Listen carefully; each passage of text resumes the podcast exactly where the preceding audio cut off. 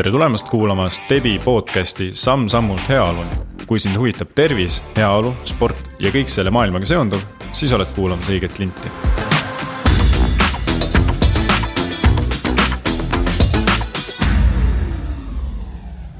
hea kuulaja, järjekordne episood on siin, mina ikka Ott Pluum ja täna on minuga siin eh, Tartu Ülikooli doktorant, eh, NET spordihalli spordijuht ja spordientusiast eh, Grete Junson, kellega arutame järjekordset tervisele olulist baasteemat ehk toitumist. tere, Grete.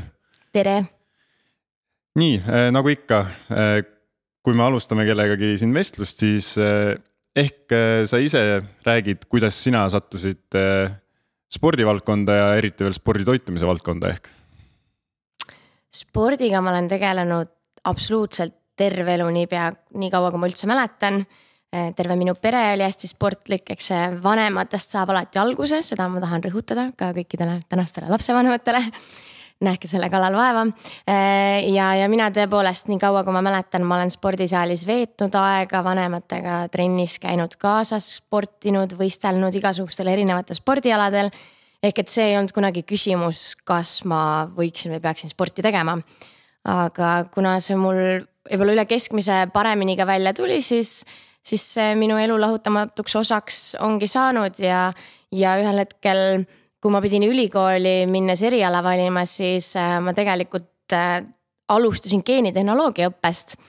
aga suhteliselt kähku ma sain aru, et laborisse ma ei kuulu, ma ei suuda seal püsida ja, ja siis ma vahetasin selle spordiõppe vastu ehk et läksin siis üle sporditeaduskonda. seal siis hakkasin treeneritööd tegema tasapisi, see tuli mul ka väga hästi välja, see meeldis mulle, meeldis lastega töötada ja kuna ma samal ajal tegin ikka ise edasi sporti ja ühel hetkel sai minu spordialaks jõu tõstmine, kus on kaalukategooriad, siis, äh, siis äh, hakkasin ma rohkem ka toitumist luubi alla võtma. ja, ja sealt kuidagi siis ka siis tekkis suurem huvi toitumise vastu ning ühel hetkel ma olin äh, Londonis, õppisin magistrikraadi sporditoitumise erialal. Ja siis täna ma olen siin, nii et järgemööda kuidagi kõik on samm-sammult läinud täitsa loogiline rada, ütleme niimoodi. Äh, enne kui me muidugi lõpupoole räägime ka kindlasti sinust ja sinu äh, sporditeekonnast nii-öelda. aga rääkisid jõutõstmisest, aga mis on veel sinu justkui need äh, go to spordialad olnud elus? kindlasti esimene peab olema kergejõustik, seda ma olengi teinud väiksest saati kõige-kõige rohkem teiseks paneksin ma võrkpalli, nii saalivõrkpalli kui ka rannavolle, seda ma olen päris mitu aastat mänginud ka võistlustasemel Eh, siis ongi jõu tõstmine ja tänaseks eh, mis iganes üldfüüsiline treening, kus ennast täiega koormata saab. nii et sulle meeldib ennast heas mõttes piitsutada spordisaalis küllaga? meeldib aga täna just rääg-, räägiksime toitumisest, et spordisaalis hea oleks olla ka alustaks täiesti lihtsast küsimusest, eh, võib-olla, mis on meeletult lai, aga äkki sa suudad meile selle lahti seletada, et mida loetakse üldse toitumises eh, selliseks baasiks, kuidas peaks toituma? hästi raske küsimus ja üheselt vastata praktiliselt võimatu. Ma mõtlesin selle küsimuse peale, kuna sa mulle natukene ette saatsid neid teemasid, et kuidas oleks kõige õigem vastata, siis ausalt öeldes head vastust mul pähe ei tulnudki, kui et me peame alustama ikka põhifunktsioonidest. me peame sööma, et saada energiat, ehk et see on justkui esimene baasasi, et me peame teadma, mida me toidust saame. ehk et energia, makrotoitained eh, ehk siis see, mida me toidust saame ja teiseks, kui palju me seda toitu siis saame. ja need põhimõtteliselt ongi siis vastused, et me peame mõistma kui palju energiat me vajame, meie keha justkui kulutab või meie keha vajab. see sõltub igast indiviidist endast, mida inimesed päeva jooksul teevad, kuidas nad enda keha koormavad, teevad nad siis seda spordisaalis või mingit igapäevast rasket tööd tehes või arvuti taga istudes. ja, ja siis vastavalt sellele tuleb neil enda kehale ka õiget kütust anda, ehk et õiges koguses, õiges mahus, õiges siis proportsioonis erinevate makrotoitainete mõttes mm. -hmm mina näiteks ei tea absoluutselt, äh, palju ma energiat tarbin äh, päevas ja palju ka kulutan.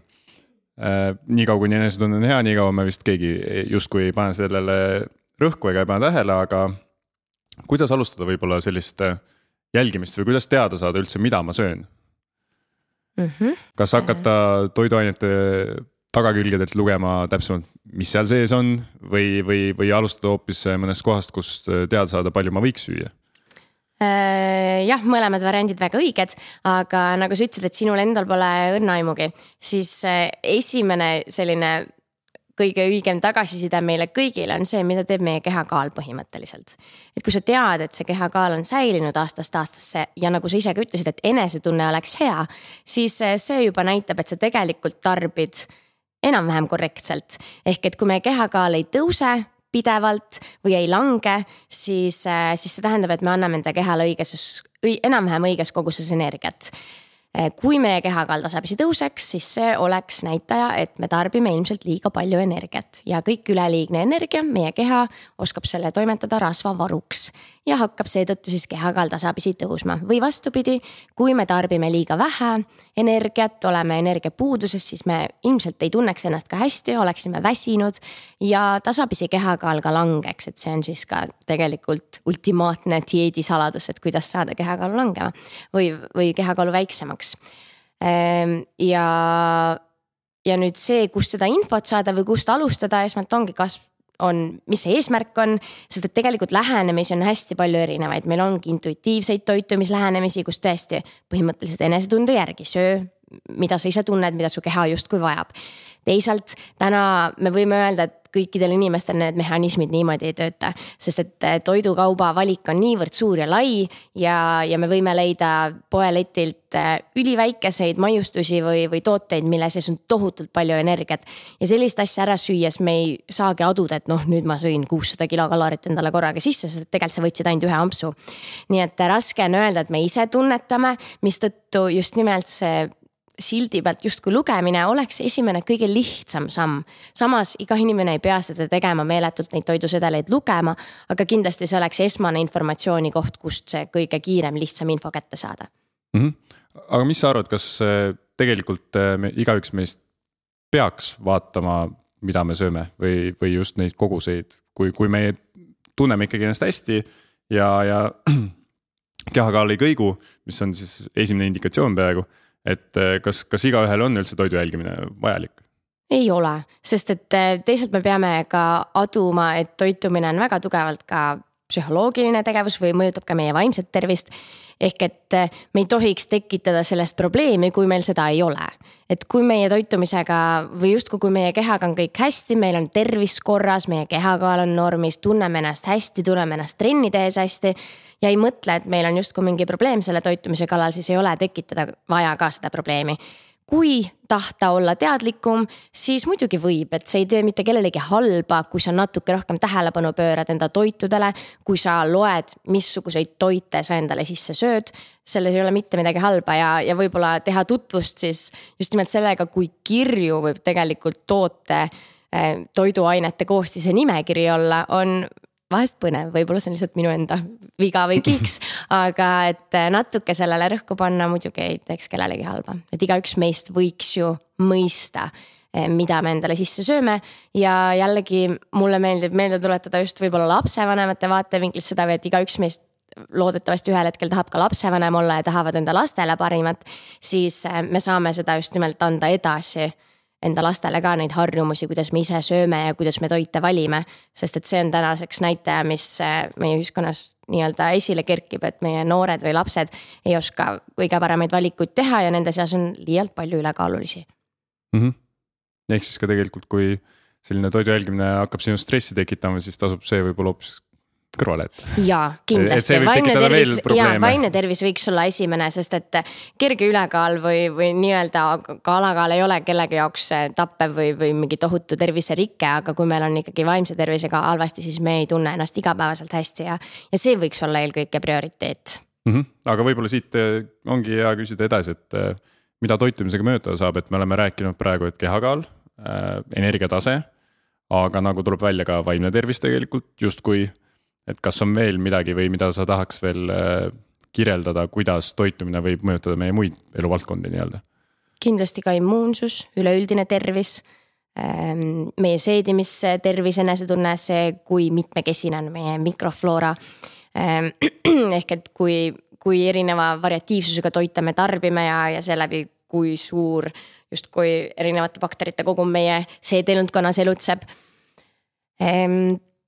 Immuunsus ütlesin, tervise ütlesime ka, see, kuidas me vananeme, kuidas me ennast enda kehas tunneme, kui me vanemaks jääme. missugune on meie keha kompositsioon lihasmassi ja rasvamassi osakaalu mõttes, see on jälle võib-olla tiba spetsiifiline. aga see on väga tugevasti toitumisega mõjutatav, et, et teada on see, mida vanemaks me jääme, seda tugevamalt hakkab lihasmass hääbuma meie keha küljest. ehk et see on vananemisega kaasa tulev faktor, kui me pöörame rohkem toitumisele tähelepanu, tarbime rohkem valgurikkaid tooteid, siis meil on võimalik natukene seda lihasmassi hääbumist pidurdada ja seeläbi justkui ka kauem nooremana püsida mm. -hmm. väga äge äh,, aga siiski korraks veel puudutaks seda toitumine ja vaimne tervis poolt, et äh, räägitakse, et ongi, kas on alatoitumine või, või vastupidi, on sellised ma ei tea, kas see on õige sõna, toitumishäired, et äh, sa hakkadki stressist rohkem sööma hoopis. et kuidas sellist asja võib-olla mm, tasakaalus hoida, et see nagu ei kukuks kummalegi poole või, või, või kust sellised probleemid üldse alguse saavad, kas, kas see on, asi on toitumises või hoopis see tulebki mujalt ja siis toitumine on selle justkui äh, tulemus? See võib olla mõlemat pidi Eh, mina kindlasti ei ole psühholoogia teadmistega, ma olen mõned kursused sellel teemal võtnud, aga aga jah, sellel on mõlemalt poolt, ühelt poolt meil on häirunud toitumine, mis ei ole veel päris toitumishäire nii-öelda diagnoositult. aga, aga võib häirunud toitumine ehk siis ongi liialt ülemõtlemine enda toidu osas. liialt pingsalt eh, kõikide grammide lugemine, liialt pingsalt iga toidusedeli lugemine et, sellised tegevused võivad lõpuks viia siis toitumishäireni, mis juba on diagnoositud vaimse tervise justkui haigus. et ja, ja see piir ma arvan, et mitte ükski inimene ei, ei oska öelda, kust see piir täpselt jookseb, et see on väga individuaalne, kuidas, kellel ja, ja seetõttu ei tasu ka riskida või liialt siis mängida võib-olla selle piiriga nagu, nagu igasuguse sõltuvust tekitava asja puhul me peame arvestama et samamoodi ka liigsest toitumise, toitumisele liigselt tähelepanu pööramine võib meie jaoks muutuda sõltuvust tekitavaks ja, ja kinnisideeliseks, mis siis omakorda ühel hetkel võib ka toitumishäireks muutuda. ehk mm -hmm. pigem tajuda, et see on lihtsalt üks aspekt meie tervise juures, mitte kõige tähtsam aspekt kindlasti. aga toitumist jälgitakse äppidega äh, ma olen näinud inimesi, kes hästi palju äppe nii-öelda kasutavad, märgivad kõik sinna üles ja, ja noh, natuke tekibki see kinnisidee, kas on hea või halb talle, noh, seda otsustab ta võib-olla ise. aga, aga just, et mis on sinu arvamus sellistest äh, jälgimisäppidest, et äh, kas need on kasulikud, kas need on piisavalt täpsed juba tänapäeval? mina arvan, et igasugused nutilahendused, mis muudavad meie jaoks äh, no näiteks toitumispäeviku pidamise kiirema, kiiremaks, lihtsamaks, käepärasemaks on tegelikult äh, toredad lahendused. sest äh, ühel hetkel, kui veel äppe ei olnud, pidi seda kõike tegema vihikusse ja nüüd ma räägin, et pidi seda tegema, sest et on ikkagi inimesed, kes peavad mingil hetkel enda elus pisut toitumist analüüsima, üle vaatama. see kõige parem lahendus või alustamine on päeviku pidamine, et sa paned reaalselt kirja iga enda ampsu. Äh, jälgidki, paned tähele, mida sa sööd ja, ja kui sa seda pidid kirja panema, siis selle vihiku kaasas kandmine või ma ei tea, tundub pisut äh, kohmakas. et nüüd äh, see telefon on kiirem, lihtsam, paljudel äppidel on ka selline triipkoodi lugemise lahendus, mis tähendab, et sa võid ka poest endale toidu osta ja saad selle koheselt sinna sisse lugeda ja kui sa jällegi suudad sellest ühel hetkel ka välja tulla ja õpid selle protsessi käigus midagi, siis see on igati tore lahendus. et sa saad kiiresti igapäevaselt enda energiakoguse kokku lugeda, sul tekib mingigi aimdus enda toiduportsjonite üle. ja need äpid väga ilusti näitavad ka, mis on toidu sisaldus, ehk et kui sa ostad kananagitsaid poest, siis sa saad sinna äppi selle kirja panna ja see näitab sulle kohe täpselt, mis seal kananagitsa sees justkui on makrotoitainelise koostise poolest. Eh, muidugi see info on ka toidusedelil olemas pakendi taga, aga enamik inimesi ei viitsi neid lugeda. tõesti tundub infotehnoloogiliste lahenduste kasutamine palju lihtsam. ja ma arvan ka, et see on tegelikult eh, positiivne. nüüd eh, vaheküsimus, sina kui spordientusiast ka, kui palju näiteks tasub uskuda oma kella kalori kulutamist päevas näiteks või, või oh, et hästi paljud on rõõmsad, kui nad teevad mingi raske trenni ära ja näevad, et tuhat kalorit äh, kadunud. et kas, kas, kas see, kas seal on mingi tõepõhi või noh, ma tean, et kellad loevad ikkagi väga erinevalt seda kõike. jah, õige, nad loevad hästi erinevalt, igal brändil on oma äh, siis kõikumine, variatiivsus, kui täpsed nad on või kui palju nad mööda panevad, see sõltub ka omakorda tegevusest, missugust treeningut sa justkui jälgid või salvestad pluss sõltub sellest informatsioonist, mis sa sinna sisse oled äh, lisanud, et kas sa oled õigesti märkinud üle selle informatsiooni, enda kehakaalu, pikkuse, vanuse. ja need brändidel tõesti see täpsus on erinev, mingid teadusuuringud ühel hetkel ütlesid, et see võib suisa üheksakümmend protsenti erinev olla tegelikkusest. Tänaseks on huvitaval kombel välja tulnud, et Apple Watch on üks täpsemaid teadusuuringute poolest siis just nimelt selle info mõõtmise täpsuse poolest, kui siis ka nii energia kui ka päevane kaloraaž ja, ja ka sporditegevuse põhjal näiteks pulsi andmed ja taoline, mida me mõõdame, et et Apple Watchil on tänase seisuga justkui kõige täpsem info, samas jällegi me ei saagi üks-ühele öelda, mis see õige nagu justkui on, kui me ise seda testi läbi ei tee. samas jälle nutilahenduse poolest, see on tore, kui inimesed leiavad võib-olla siis mingi eesmärgi selle kella äh, näol, et neil on vaja see kogus energiat või liikumist tänasel päeval täis teha, siis see on ju tore. Äh, samas jälle vastupidiselt võttes, kui nad selle kinnisideeliseks enda jaoks muudavad, siis see võib hiljem ka vastupidise toimega olla mm. -hmm. ja siia lisades, ma mäletan, kunagi tulid turule hästi tugevalt need äh, joomise äpid, et joo vett nii-öelda, kus sa said märkida äh, alati, kui sa oma pudeli lõpetasid või klaasi lõpetasid, et siis sa panid sisse, et ma olen täna nii palju joonud ja siis lõpuks, kui sa said selle päeva eesmärgi täis, siis äh, noh, kõik imestasid, et ma poleks ju tegelikult päevas nii palju vett joonud, kui seda äppi oleks olnud, on ju. ma kohe küsin vastu huvitaval, palju seda vett siis jooma seal pidi?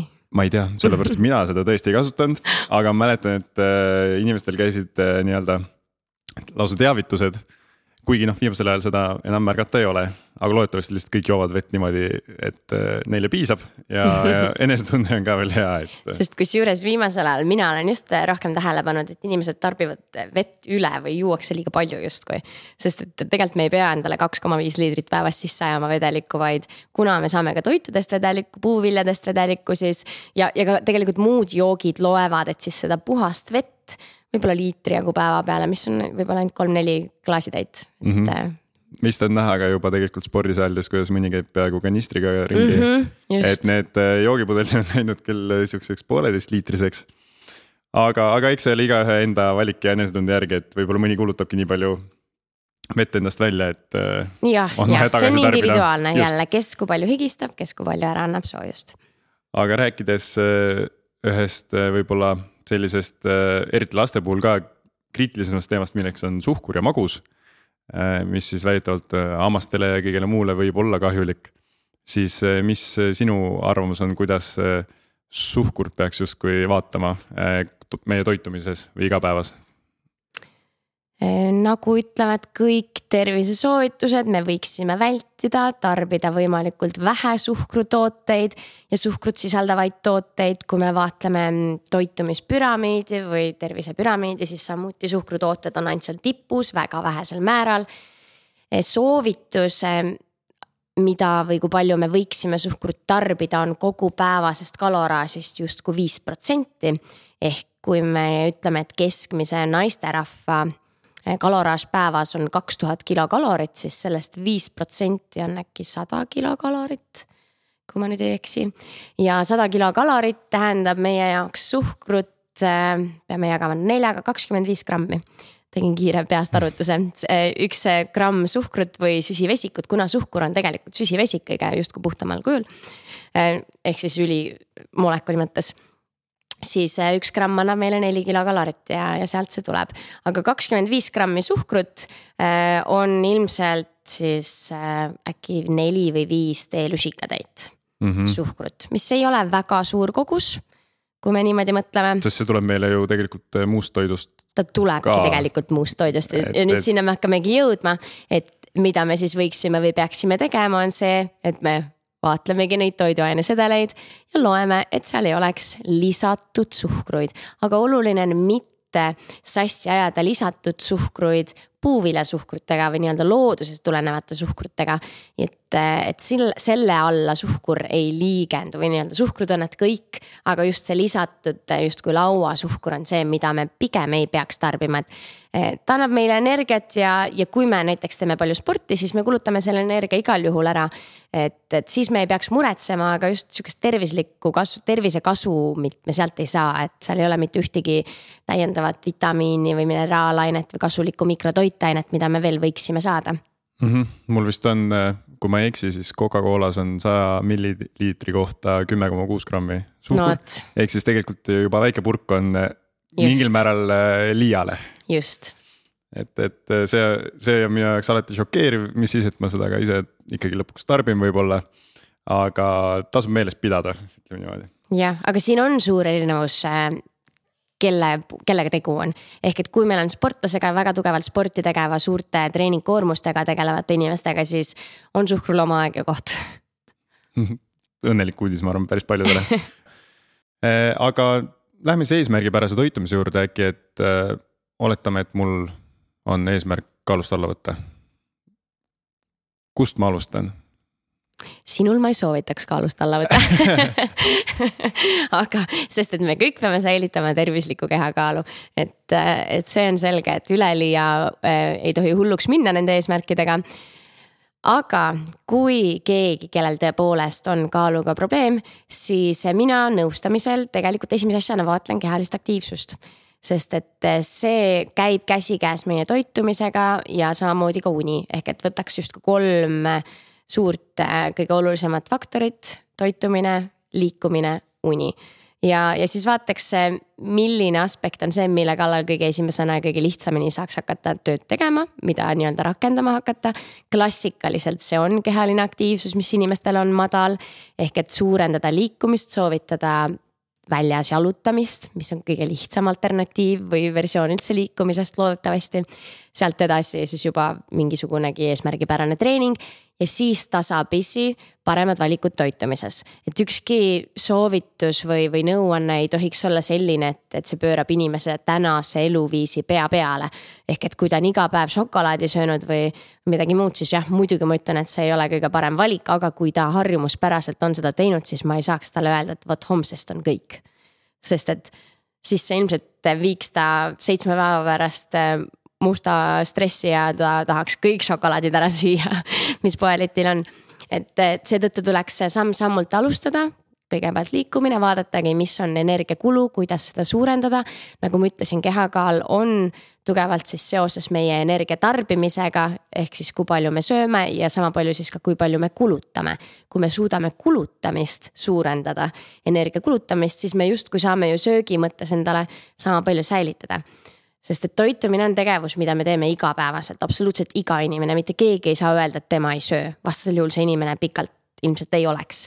Ehm, mistõttu see on ülimalt harjumuspärane tegevus, ülimalt tugev harjumus, mida on seetõttu ka väga raske muuta. aga kui me suurendame siis liikumist, saame suurema energiakulu, siis läbi selle me tegelikult võime endale ju ka rohkem toitu lubada mis on enamus inimestele tore uudis ja ühesõnaga, mina alustaksin sealtpoolt liikumine ja siis vaataks üle, mis seal toitumises siis valesti on. võtaks koguseid võib-olla väiksemaks, see on jällegi esimene lihtne asi ja siis hakkaks, hakkaks tasapidi seda šokolaaditahvlit mudima võib-olla tänasel hetkel mandariini poole või mis iganes on see kiirem, lihtne puuvili, magus, mida me saame ka sama, sama kergesti poest kätte. kuna ilmselt enamus toitu inimesed ostavad poest mm. -hmm. aga nüüd eh, igivana küsimus, mitu korda päevas peab sööma? sõltub kolm on hea, et kui meil on ikkagi kolm klassikalist toidukorda hommikusöök, on ta siis hommikul kohe vara või on ta mingil hetkel enne lõunat, ühesõnaga esimene toidukord päevas, mis on korralik, täisväärtuslik, siis meil on, võiks olla mingil hetkel lõunasöök, mis samuti on täisväärtuslik, täisväärtusliku all ma pean silmas.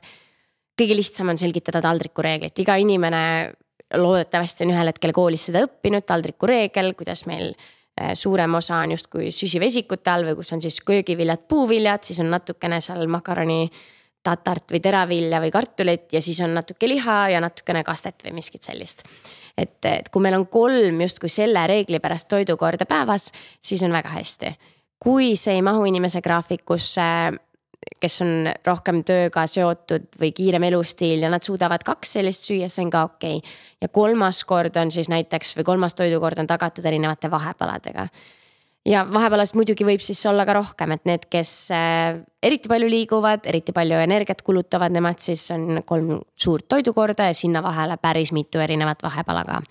aga väga tugevalt sõltub inimesest endast see, hästi individuaalne mm. -hmm sest äh, ma ise jällegi olen kuulnud lugusid, mitte isegi kuulnud, vaid äh, näinud, kuidas asendatakse noh, õhtusööki nii-öelda mitte taldrikul, vaid hoopis äh, mõne smuuti või, või nii-öelda valgujoogiga pärast mm -hmm. treeningut. kuna eelnevad toidukorrad näiteks väga tugevad olnud mm, -hmm. et siis oleks kergem nii-öelda magama minna. jaa smuuti puhul tegelikult on ju tegemist samamoodi väga täisväärtusliku toidukorraga, kui mõelda, mis on seal sees. et jah, ta ei ole klassikaliselt taldrikul, aga kui me paneme sinna smuuti sisse erinevaid puuvilju, marju, äh, lisame sinna mingisugust valgukomponenti, on see siis valgupulber ja teeme selle näiteks maitsestamata jogurti või kreeka jogurtiga. siis tegelikult on seal kõik komponendid olemas, võib-olla ka natuke seemneid või midagi lisatud, mis oleksid ka rasvaallikana. et äh, tegelikult saab iga toidukorda vaadelda kui taldriku reegli järgi täisväärtusliku toidukorrana, kui see on niimoodi tasakaaluga pandud. ja, ja siis ta võib olla vabalt ka smuuti kujul. ja, ja miks ta on kergem tunne, sest et äh, ei ole toidumassi, mida seedida, smuuti on juba ära püreestatud. ta läheb vedelal kujul meile justkui soolestikku ja ta üpris kiiresti sealt siis ka imendub ja, ja läheb nii-öelda meie soolestikust läbi, mistõttu meil on kergem tunne mm. -hmm. aga läheksid äh, hoopis siis äh, vastupidise tee suunas, et kui tahaks hoopis juurde võtta et äh, meil on ka tänapäeval selline küsimärk paljudel, mitte paljudel, aga mõningatel inimestel, et äh, jah. paljud tahavad alla võtta, aga mina tahaks hoopis ennast äh, oma kehas justkui paremini tunda, et kui mul oleks rohkem massi. ma ei, ma ei tea, näiteks sportlased vahepeal soovivad juurde võtta ning ka tegelikult, et mõni soovib lihasmassi kasvatada. et oma kere tugevdada, et kust, kust see algus võiks tulla kaunis sõnapaar kõlas sealt ära, lihasmassi kasvatada või lihasmassi suurendada. see võiks siis olla eesmärk, et alati, kui me kaalust ka räägime juurde või vähemaks, siis, siis me võiksime kõige paremad sõnapaarid oleksidki, et ja kas me kasvatame siis lihasmassi, et keegi loodetavasti ei taha lihtsalt rasvamassi juurde endale kasvatada. Ehm, ja samamoodi, kui me tahame kehakaalu vähendada, siis loodetavasti rasvamassi vähendada, et just üleliigse rasvamassi arvelt. aga juurdevõtmise puhul või lihasmassi kasvatamise puhul on toidul muidugi veelgi suurem mõju, sest et tühjast kohast eh, meie keha tugevamaks või suuremaks ei muutu ega kasva. selleks on vaja toitu, selleks on vaja energiat, õiget kütust lihas meie keha küljes muidugi vajab omakorda ka trenni, vastasel juhul ei ole ühtegi stiimulit, mis paneks teda kasvama, et lihtsalt valgusshake'i joomisest lihased ei hakka kasvama. Ehk et peab jälle vaatama üle treeningu ja seejärel siis suunama peale õiget toitu, õiget kütust. Ja see õige kütus siinkohal on ka oluline, et et me tarbiksime valgurikast toitu, et me tarbiksime puhast toitu. Et see, mis on meie kehale paremini omastatav, vähem töödeldud toit ähm, ja, ja mitte ka liiga rasvane toit, mis on samuti oht, et äh, jälle liiga palju sõnapaare võib-olla kõlab, et ei tohi olla suhkrurikas, ei tohi olla rasvarikas, peab olema puhas, vähe töödeldud. Ehm, kui minna poodi ja natuke toidusedeleid lugeda, siis tegelikult leiab väga ilusti kõik need, need söögid üles. aga lihasmassi kasvatamise puhul on oluline süüa pisut rohkem siis, kui me kulutame, et allavõtmise puhul me peame natuke vähem justkui energiadefitsiidis olema. Lihasmassi kasvatamise puhul peame sööma rohkem, tarbima energiat rohkem, kui me kulutame, siis kehal on, millest kasvada, mida, millega justkui arendada organismi mm. -hmm. ja nüüd äh, olemegi jõudnud siia, et oletame, on tervise või harrastussportlane, kes, kellel on siuksed eesmärgid või siis ka ei ole, aga nad tahaks äh, toidust saada piisavalt energiat, et äh, tublisti nädalas trenni teha, olgu see kaks, kolm, neli, viis, mõningal juhul ka kuus-seitse korda. et äh, mis on näiteks, äh, võib-olla sul on mõned nipid, mis on need toidud või, või just vahepalad, äh, et saada seda väikest energiat, kas enne trenni või pärast trenni. et, et nii-öelda järgmine päev ei tunduks sama masendav trenni mm -hmm. vedada ennast, et kogu mm -hmm. aeg on selline raske olla või siis väsinud olla. oluline on, et ei tekiks päeva jooksul kordagi tugevat tühja kõhu tunnet ehk et toidukordade vahed ei tohiks minna nii pikaks, et sa tunned juba pikemat aega, et nälg on. sest see on see hetk, kui keha on põhimõtteliselt defitsiidis või, või organism on juba puuduses ja me ei taha sport, spordi seisukohast me ei taha kordagi hoida organismi sellises äh, olukorras või sellises tundes. mistõttu toidukordade vahed ei tohi olla liiga pikad. Äh, see tuleks kindlasti juba päeva alguses läbi mõelda kui ikkagi satub nii, et ei ole jõudnud korralikult süüa ja siis on vaja kuskilt kiiresti midagi haarata just enne trenni, siis soovitused on, et see toit, mida sa tarbid, ei oleks raske ehk et ta ei hakkaks kõhus loksuma, ei tekita jälle sellist rasket tunnet, vaid et ta oleks mingi kerge, samas energiarikas asi. ja see ongi nüüd koht, kus me vaatame otsa mingil määral suhkrut sisaldavatele toitudele, sest et äh, või mingitele energiabatoonidele, šokolaadi mingitele batoonidele. kuna nad on väikesed, nad on kerged ja nad on energiarikkad. seega sa võib-olla kolme-nelja ampsuga sööd selle ära, sa isegi ei taju, et sul midagi kõhus on, aga organism saab sealt selle energia kätte. me saame sealt kätte suhkrut, see suhkur suhteliselt kiiresti imendub meile verre, tõstab meie vere glükoositaset ja see omakorda tekitab meile erksa eh, energiarikka tunde just trenni alguseks siis. aga et see trenn jällegi pikema, pikem trenn läbi vedada eeldab, et me ikkagi oleme kolm või neli tundi enne seda söönud mingi täisväärtusliku toidukorra ka.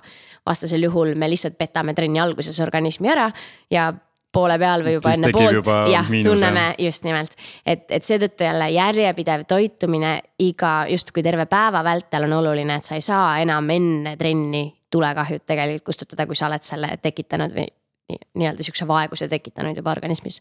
ja teistpidi vist ei saa seda veel eriti äh, seda tulekahjut kustutada, mis saab tekitada ka tund või poolteist enne tugevalt süües, on ju. et eh, mul on tihti endal seda juhtunud, et eh, vaatad, veidi on veel aega, söön, söön, söön. tundub juba, et on okei okay, tund aega hiljem, aga nii kui hakkad eh, sportima, siis tegelikult saad aru, et ma sõin ennast üle ja mul ei ole väga hea olla seal mida iganes sa ka teed. aga kusjuures see on hästi individuaalne, mina jällegi seevastu, ma võin ma võingi süüa niimoodi, et ma põhimõtteliselt võtan viimase ampsu ja lähen otse kangisaali või jooksma või midagi. et see on hästi individuaalne, kes on kuidas harjunud ja, ja seetõttu ma ütlengi, et toitumise osas ka me igaüks peame tegelikult tähele panema, missugused toidud meile sobivad, missugusel kellaajal meile söömine sobib. et, et see muutuks meile võimalikult lihtsaks ja võimalikult mõnusaks ja mugavaks. sest see on niivõrd oluline osa meie elust, et eh, et kui me seda enda jaoks ei mugavda selliselt, et me suudame igapäevaselt järjepidevalt ennast hästi tunda ja sellist toitumisviisi ka säilitada, siis me kaugele ei sõua, vaid olemegi sihuke üles-alla pidevalt varieerime, katsetame erinevaid dieeti ja nii edasi.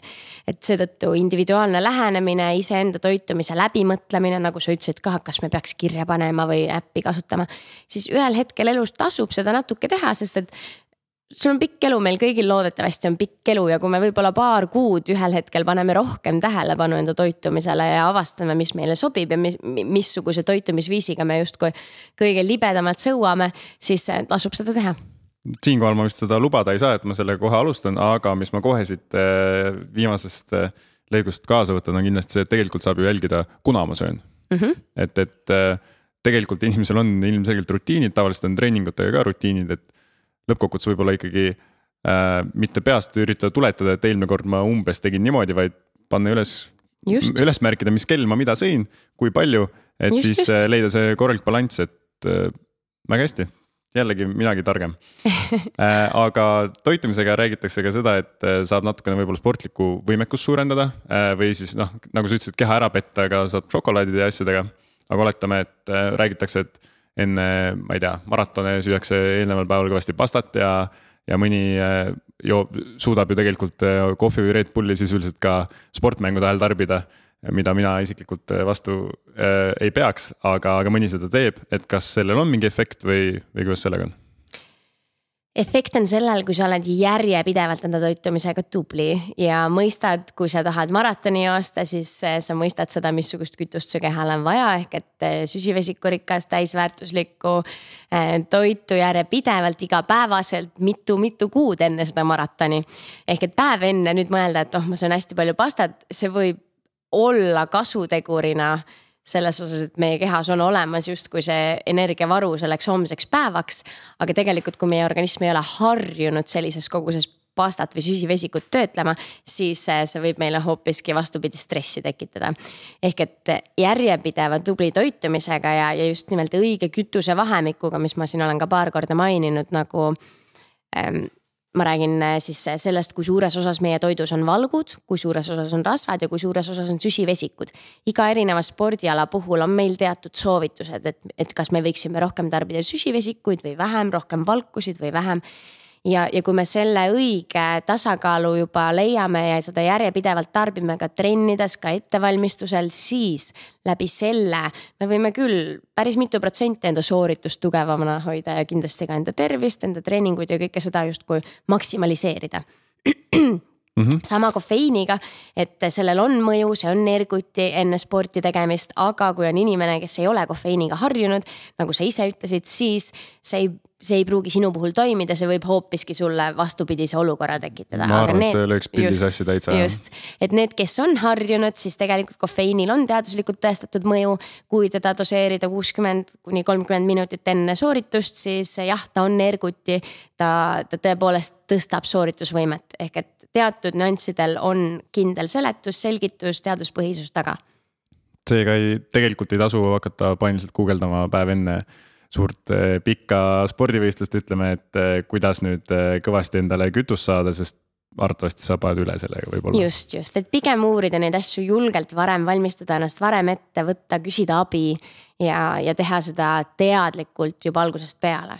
siinkohal tasub soovitada vist siis ongi toitumisnõustajat, eriti kui sa tõesti teed mingit spetsiifilist sporti, siis tegelikult nagu me aru saame, on ka olemas erinevatel spordialadel erinevad justkui soovitused, pluss ka ja. inimesed, kes on lähemalt seda uurinud. et eeldan, et ka sina oled erinevate spordialadega seda juba. see on minu eriala jah, et ke kellel huvi on, pöörduge Grete poole.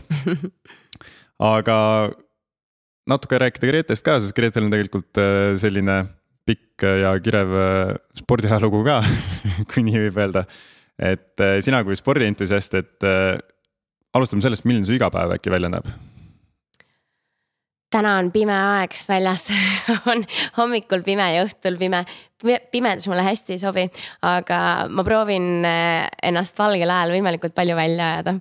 et, et olla värske õhu käes, palju liikuda, ehk et tänasel päeval, kui ma hommikul ärkan, siis ma teen kodus kiirelt asjad valmis, panen seljakoti selga, kohvikruusi kaasa ja jalutan tööle näiteks või lähen õue koeraga jalutama. suvisel ajal ma lähen jooksma, et, et see on minu kohvikruusi asemel, et, et minna õue esimese asjana on tugev soovitus kõikidele inimestele, et saada seda päevavalgust, saada värsket õhku. see paneb fookuse paika ülejäänud päevaks, kui sul on vaja hakata, ma ei tea, arvuti taga tööd tegema või keskenduma mingitele tähtsatele koosolekutele või tegevustele ja, ja siis on igapäevaselt töötamine, nii nagu ette juhtub, kohustused vajavad tegemist.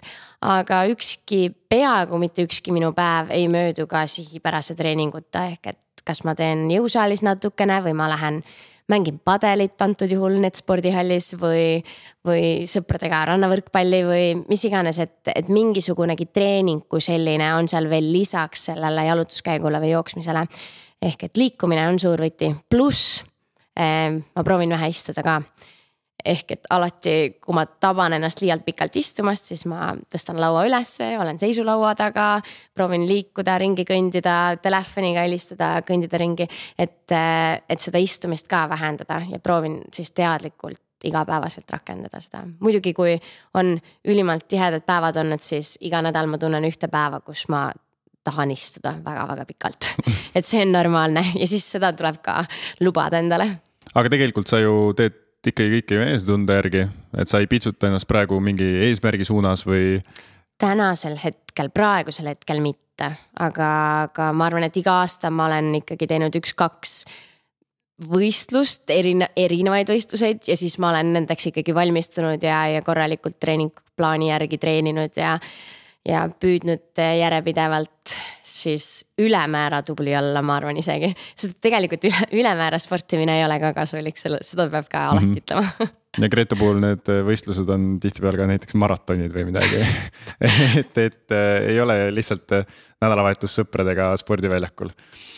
aga sa teed, teed ka seda palju tegelikult on ju, et ja. sinu jaoks on igasugune aktiivne liikumine justkui ju sport ja, ja. sa võtad seda kui nii-öelda fun time, aga ma eeldan ka täie tõsidusega teistpidi ja mõlemat peab tegema ja pigem ma jah, rõhun ka sellele, et ma saaksin inimeste enda, enda ümber ka liikuma. ehk et kui meil ongi sõpradega kokkusaamine, siis äh, me ei saa lihtsalt kokku ja istu, vaid enne seda tuleb ka mingit sporti teha ja, ja siis võime minna sauna ja istuda ja muljetada ja süüa. aga enne tuleb ka midagi lõbusat teha, et õnneks täna on meil järjest rohkem selliseid toredaid liikumisvariante, kas minna kasvõi matkale õue või, või lähedki kuskile mingit mängu, pallimängu mängima või õues suvel muru peal, spikeball'i, mis iganes. et, et tuua seda liikumist järjest rohkem sisse ja olla eeskujuks selles asjas, ma püüan eesrindlikult see siit tuleb välja kõvasti su justkui, ma tahaks öelda sinu asemel siis äh, moto. et äh, sa oled juba nagu sa enne kirjeldasid, tegelikult hästi palju erinevaid äh, spordialasid proovinud. olnud ka tegelikult edukas mitmetel aladel nii-öelda Eesti meistrivõistluste medalid on ikkagi erinevatel aladel ette näidata. ja, ja, ja see on nagu tegelikult ju märkimisväärne, et kui võetakse eesmärke mitmel erineval spordialal, mitmel erineval eluperioodil, et äh, ju siis midagi nii-öelda heas mõttes peast katki peab olema, et sport nii väga meeldib. aga, aga kui sul on juba neid olnud, nii äkki medaleid jõutõstmises on ju mm. -hmm jooksmises mm -hmm., noh, et mis on sinu järgmine võib-olla, kas sul on juba kuskil terendavas mingi eesmärk või hakkad hoopis, ma ei tea, mägironijaks või midagi sellist tegema seda ma olen ka proovinud, aga veel mitte võistlusraames või nagu võistlusformaadis mm,. vot ma ei ole ühelgi Crossfiti päris võistlusel vist veel osalenud. ma olen möödaminnes teinud mõne ürituse kuskil firmaspordivõistlusel. aga, aga sellist päris Crossfiti asja ma pole proovile pannud, et äkki midagi selles vallas või siis padel on ka ilmselt praegu päris teemakohane pa. padelis on see, see äh, tipp või lagi on meil suhteliselt lähedal, tahaks öelda, et siin igaüks, kes kõvasti hakkab aega alla panema, see võib jõuda Eestis äh, kuhugi ikka. just, just. aga, aga nähes, äh, kahjuks kuulajad seda ei näe, aga nähes su silmis seda, kui sa Crossfitist rääkisid ja toas nurki otsisid niimoodi, siis äh, suhteliselt salakaval pilk oli, et ma arvan, et äkki tulevikus me näeme, kuidas Grete lihtsalt ennast tühjaks pigistab kuskil Crossfiti võistlusel ja, ja siit võib-olla järgmine küsimus, et, et kui sa nii palju tegelikult äh, teed ja noh, nagu sa ütlesid, tegelikult sa saad sealt energiat justkui vastu ka, äh, vaimset energiat eriti, ma eeldan. siis ikkagi äkki sul on mõni soovitus inimestele, kuidas äh, saada rohkem energiat või olla energilisem mm,? Needsamad näpunäited, mis ma olen siin täna ka jooksvalt ütlen, et järjepidev toitumine on kindlasti minu puhul võti, et isegi kui ma mingitel päevadel ei tarbi korrapäraselt ja, ja no nüüd tänaseks ma ammu enam ei loe enda kaloreid ja asju, ma olen seda teinud.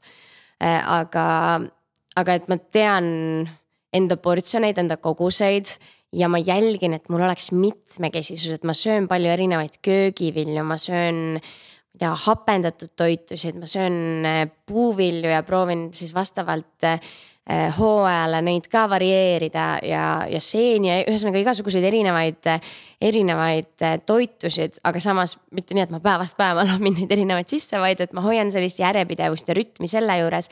ja samas, et ma ei jäta enda trenne ka tegemata, et see rutiinsus eh, või järjepidevus säilib, et olgugi, see on mõni päev ainult kolmkümmend minutit jõusaalis ülikerget, midagi, mis ilmselt minu jaoks või noh, tänasel hetkel ei ole minu jaoks väga pingutamagi panev. ja ma võib-olla tunnen ennast isegi morjendatult, ma sain nii vähe teha, siis ma ikkagi teen selle natukene ära, sest see annab nii palju parema enesetunde. kui et ma ei, et ma ei lähegi ja ma jäängi istuma ja, ja teengi pinges, stressis mingeid tööasju. ja mõtlengi, et oh, täna oli nigel päev ja siis veel ühel hetkel tunned, et saad kuskilt mingi viirusega külge ja siis istudki kodus ja, ja õue ka ei lähe ja ühesõnaga mine välja, ole järjepidev ära jäta seda treeningut tegemata, aga samas leia enda jaoks mingisugune liikumisviis, mida sa saad igas päevas teha. olgu see kasvõi jalutamine lihtsalt või siis muuda see jalutamine kuidagi raskemaks, mine kõnni treppidest üles paar korda rohkem. ja ära mitte kunagi sõida liftiga. jah, see on kõige parem. just et ükskõik, kus sa käid, trepp on tavaliselt kiirem ka see on, on ka nagu tõsi. isegi eskalaatori peal ei pea seisma, saad seal kõndida just, kes välismaal on käinud äh, ja näinud päris pikki eskalaatoreid, siis inimesed kõnnivad ka seal isegi. Äh, okei, aga siis tegelikult äh, teeksime siia lõppu veel selle lõbusa osa ka ära, kus mina küsin mõned küsimused, sina lihtsalt vastad nii lihtsalt kui võimalik selle, mis esimese pähe võib tulla. ja, ja nii ongi. näiteks, mis värvi on sinu jaoks tervis ja heaolu? kollane, rõõmus, need spordihäll uh!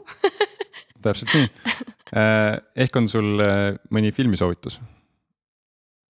ah,. ma ei ole Oppenheimerit näinud, ma tahan seda ise kohe vaadata, aga ma, ma tahaks loota, et see on hea, nii et ma soovitan kõigile.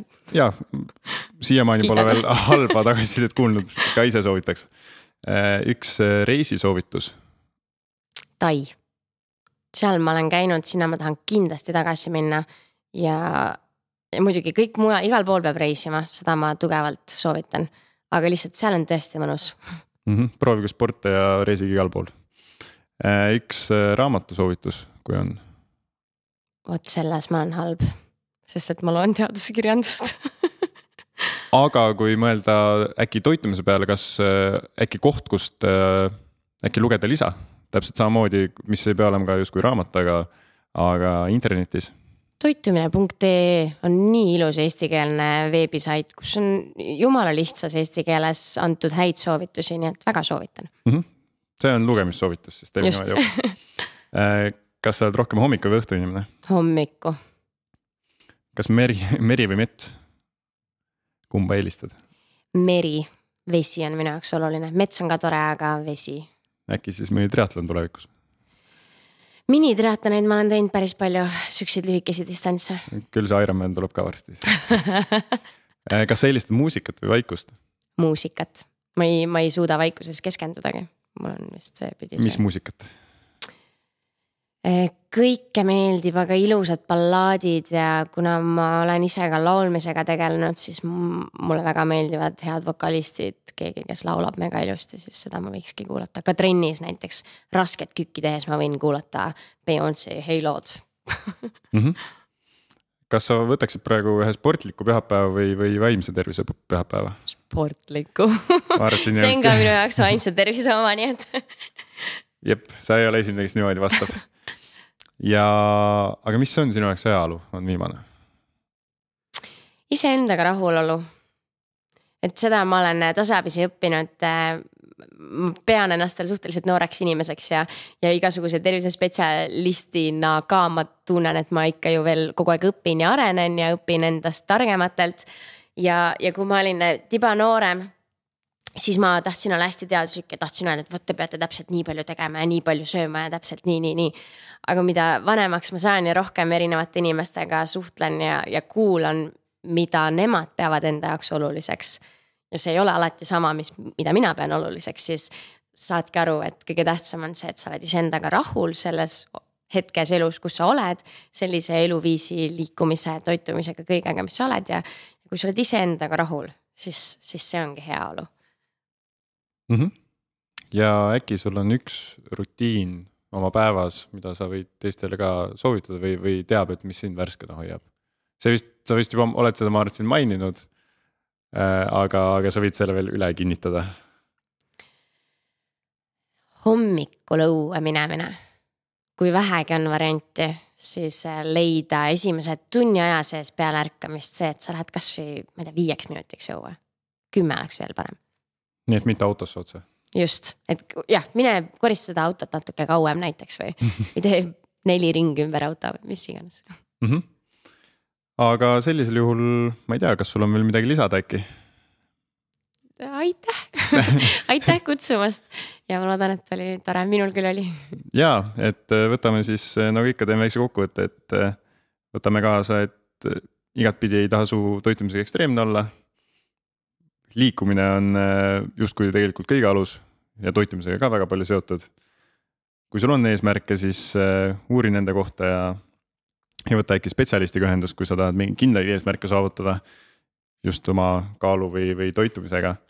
ja nii ongi, minge mängige te pädelit ja, ja rannavõrku ja kõike muud netspordihallis, siis näete Gretet ka. ja just, ka minul oli tore, ehk siis äkki järgmise korrani. teeme nii. aitäh trennis näeme. just